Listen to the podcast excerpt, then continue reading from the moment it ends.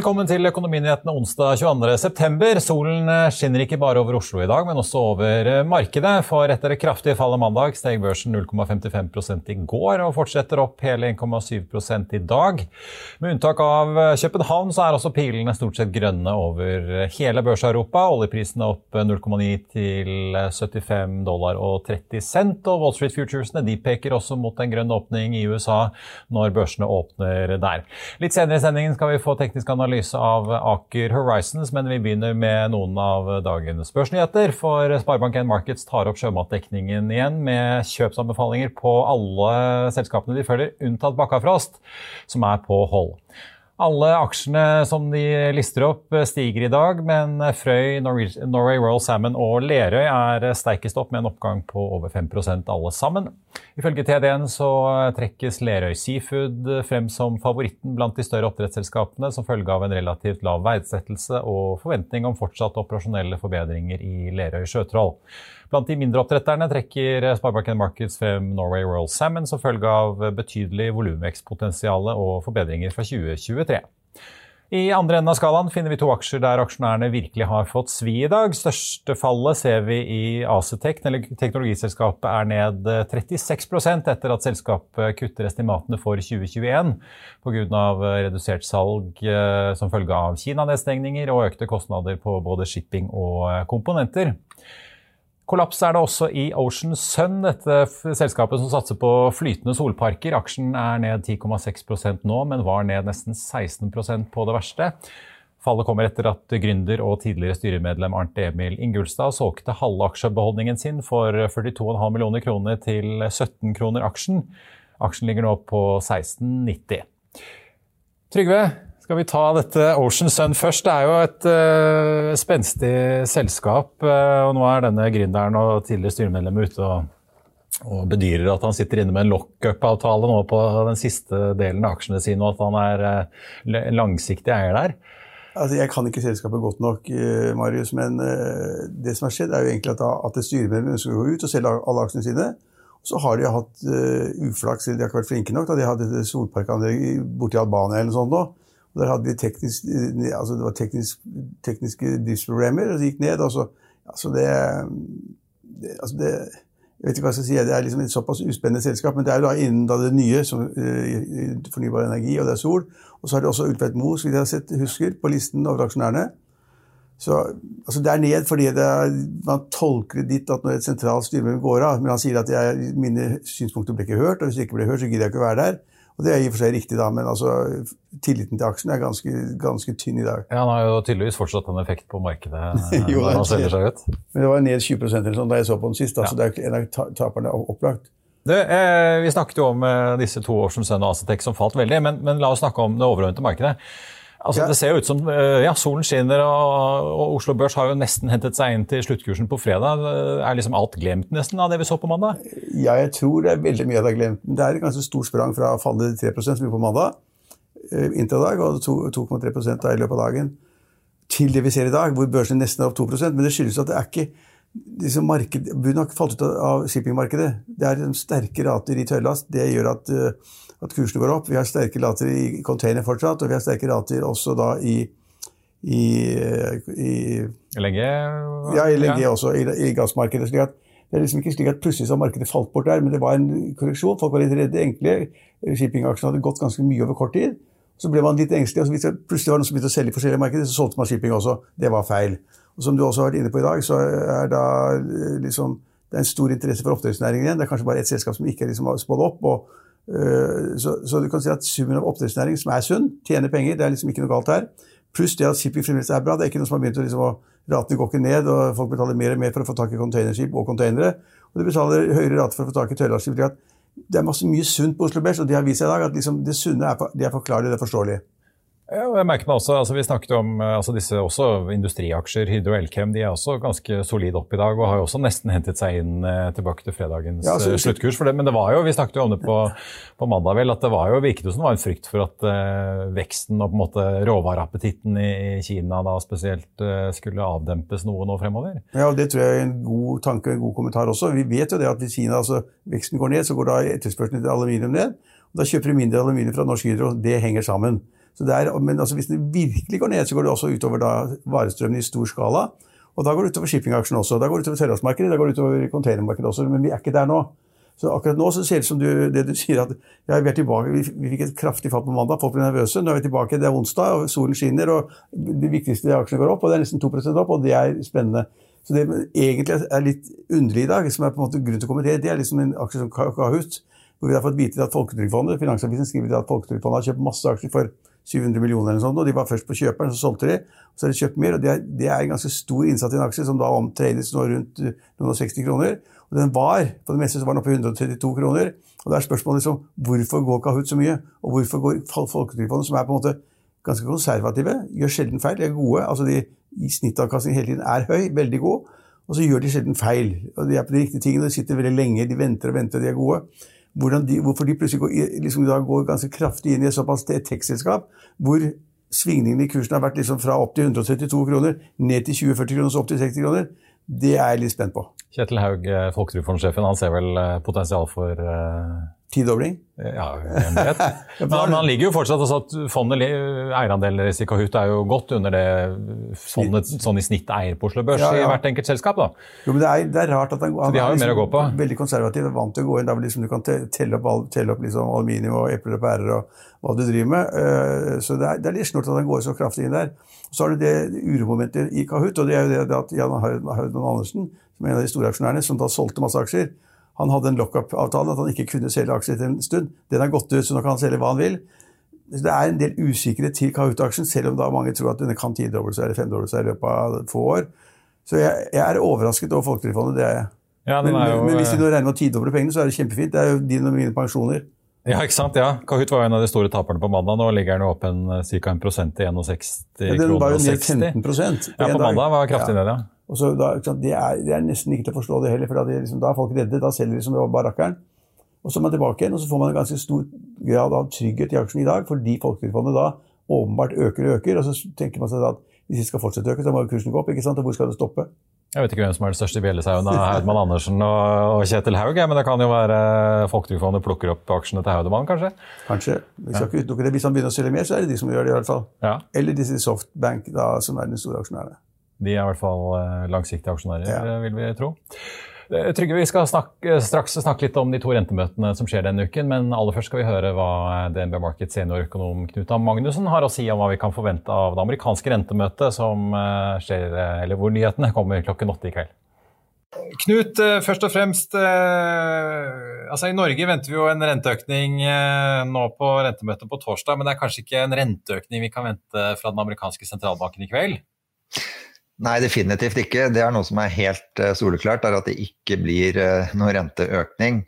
Og, ikke engang snakk om renteøkning. Det det er uh, fokus på, det er jo en mulig nedtrapping av verdipapirkjøp. Det er det som står i fokus på Fed-møtet i kveld.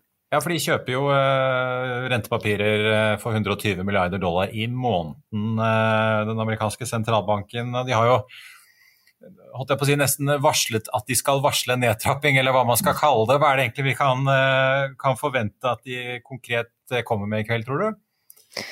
Nei, De har vært litt vage på, på, det, men eh, det de har sagt er at uh, hvis økonomien utvikler seg som de forventer, så kan det bli snakk om nedtrapping uh, på slutten av dette året.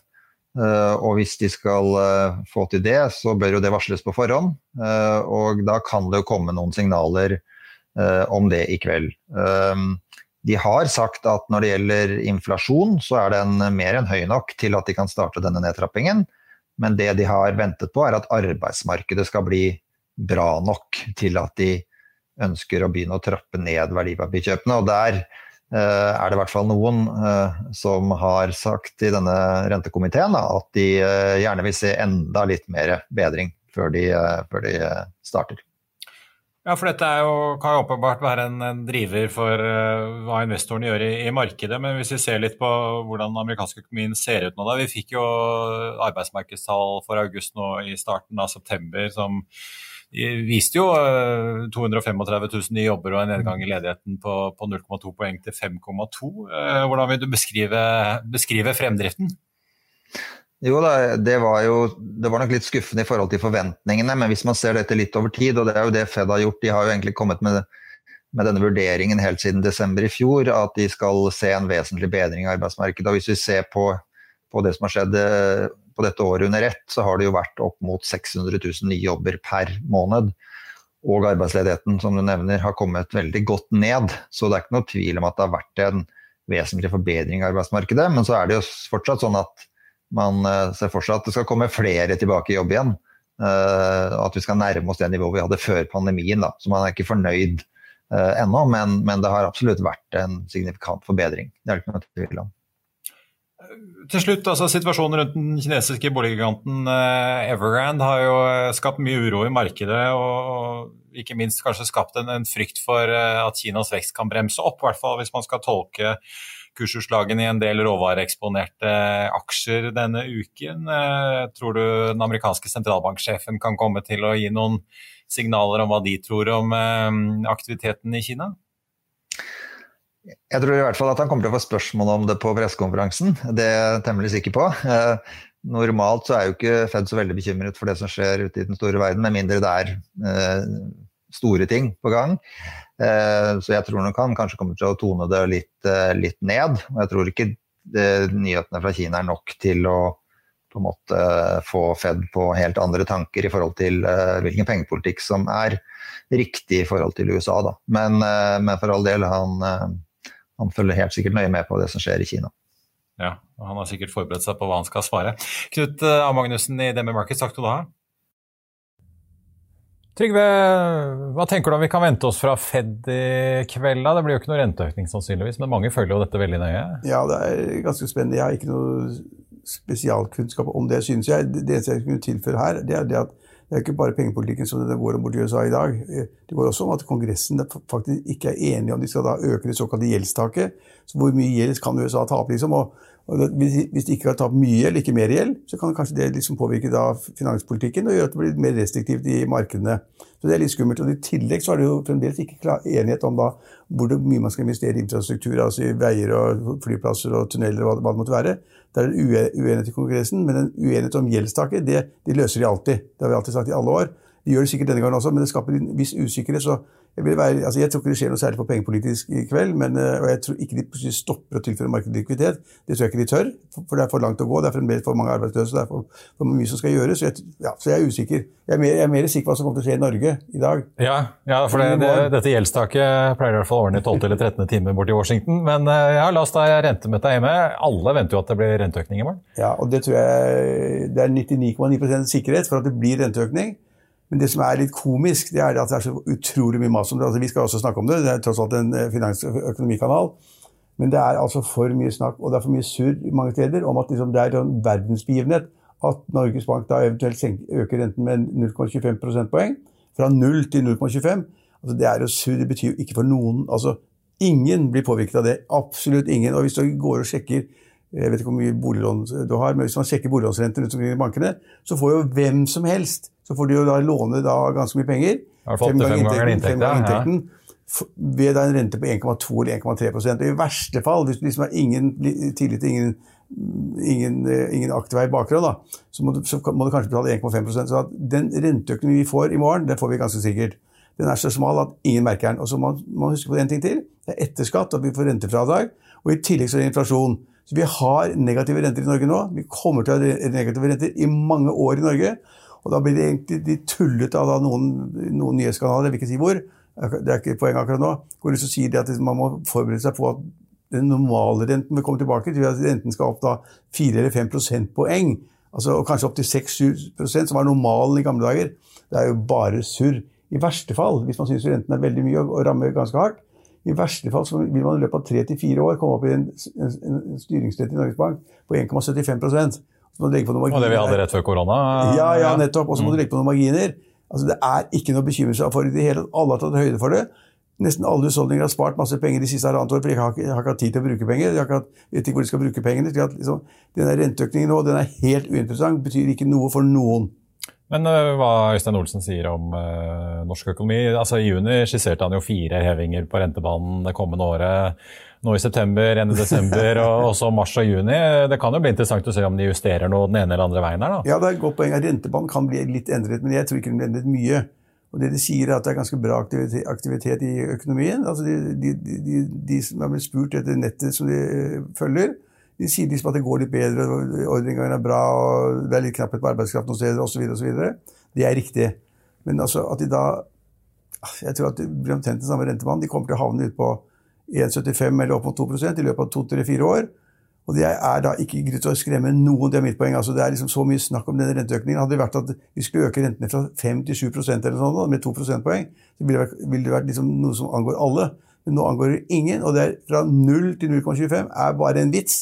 Og hvis de da i løpet av våren da øker da fra 0,25 til 0,5 altså, Who cares, sier jeg bare. Men vi ser jo, altså Det kan jo virke som folk i boligmarkedet reagerer på det. for Nei, i august, det, ja, altså, jeg tenker i august så så vi jo prisene steg jo mer enn ventet, men det er jo ja, mye svakere i Oslo og ja, omkringliggende kommuner. Marius, det steg mer enn ventet, og boligprisen er fremdeles uh, basert på et nivå hvor uh, tilbudssiden avgjør veldig mye. Så hvis det ikke blir bygget særlig mer, så holder bolig, boligprisene ganske bra oppe. Det er altfor stor etterspørsel etter folk som skal bo i Oslo.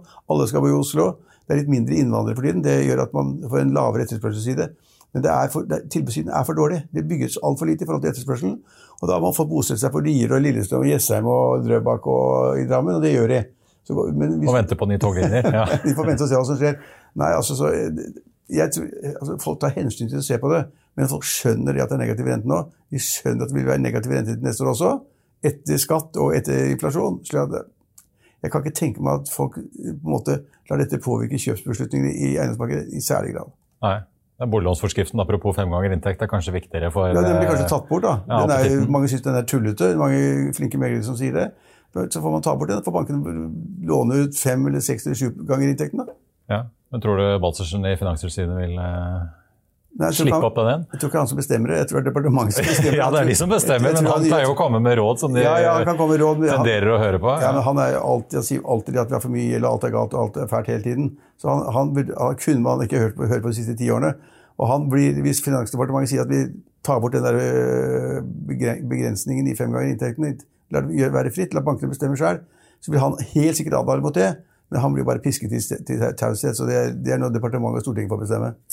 Vi får i hvert fall følge med, og så skal denne pengepolitiske rapporten og rentebeslutningen samfares her i morgen. Ja. Takk skal du ha, Trygve. I Finansavisen i morgen kan du lese Trygve Hegnars leder om dette gnålet om renteøkningene. Du kan også lese om forvaltningsgiganten Pimco, som tror chipmangelen og høye skipsrater vil vare lenge, og om hvorfor Pareto tror moroa snart er over for Equinor.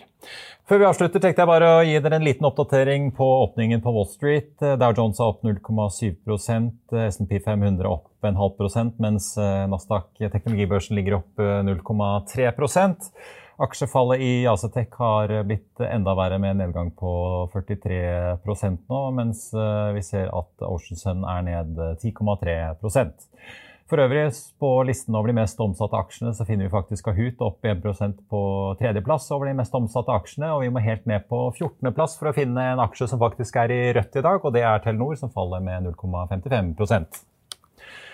det var det vi hadde i dag, men i morgen klokken 15.30 er Stein Ove tilbake her med gjester for å gi dere en full oversikt over både markedet og hva som kom ut av rentemøtet til Norges Bank. Siste nytt finner du også som alltid på finansavisen.no. Jeg er tilbake her på fredag. Takk for at du så på, og så håper jeg vi ses igjen da.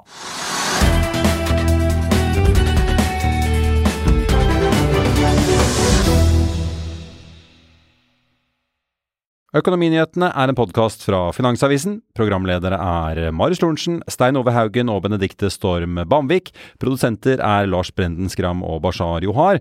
Og ansvarlig redaktør er Trygve Hegnar.